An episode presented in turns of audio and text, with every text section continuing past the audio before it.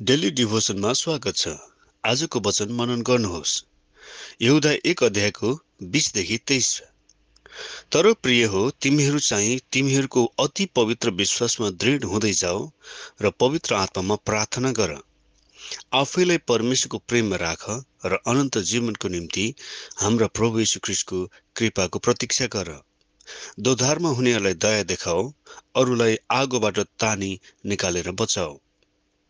यसुले जन्म लिनुभएको परिवारको भाइ यहुदाले आत्मिक रूपमा दरिलो हुँदै झुटो शिक्षाको बारेमा सचेत रहन यी खण्डहरू लेख्छन्। यसुको बारेमा भ्रमित पार्ने शिक्षाहरू झुटो शिक्षाको बिगबिगी भइरहेको समयमा यहुदाको अर्थपत्र अर्थपूर्ण छ। आज धेरै विश्वासीहरू पनि भ्रमित हुँदै गएको अवस्था छ।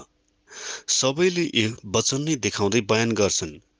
यस सम्बन्धमा यहुदा लेख्छन् तिमीहरू चाहिँ तिमीहरूको अति पवित्र विश्वासमा दृढ हुँदै जाओ र पवित्र आत्मामा प्रार्थना गर। आफैले परमेश्वरको प्रेममा राख र अनन्त जीवनको निम्ति हाम्रो प्रभु श्रीकृष्णको कृपाको प्रतीक्षा गर।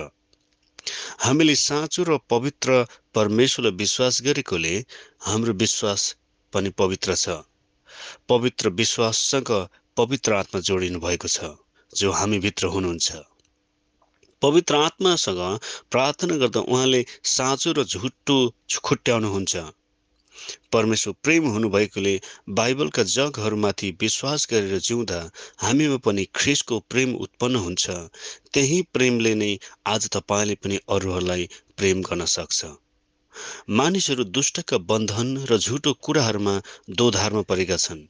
यसुले हामीलाई दया गर्नु भए झैँ हामी पनि उनीहरूप्रति दया देखाउँ र तिनीहरूलाई त्यस आगोबाट बाहिर ल्याउन प्रयत्न गरौँ।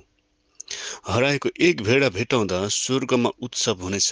हामीले एकजनालाई मात्र त्यसो गर्न सके पनि त्यसको इनाम ठुलो छ। ख्रिसको प्रेम र शक्तिले यो कुरा सम्भव छ। आमेन।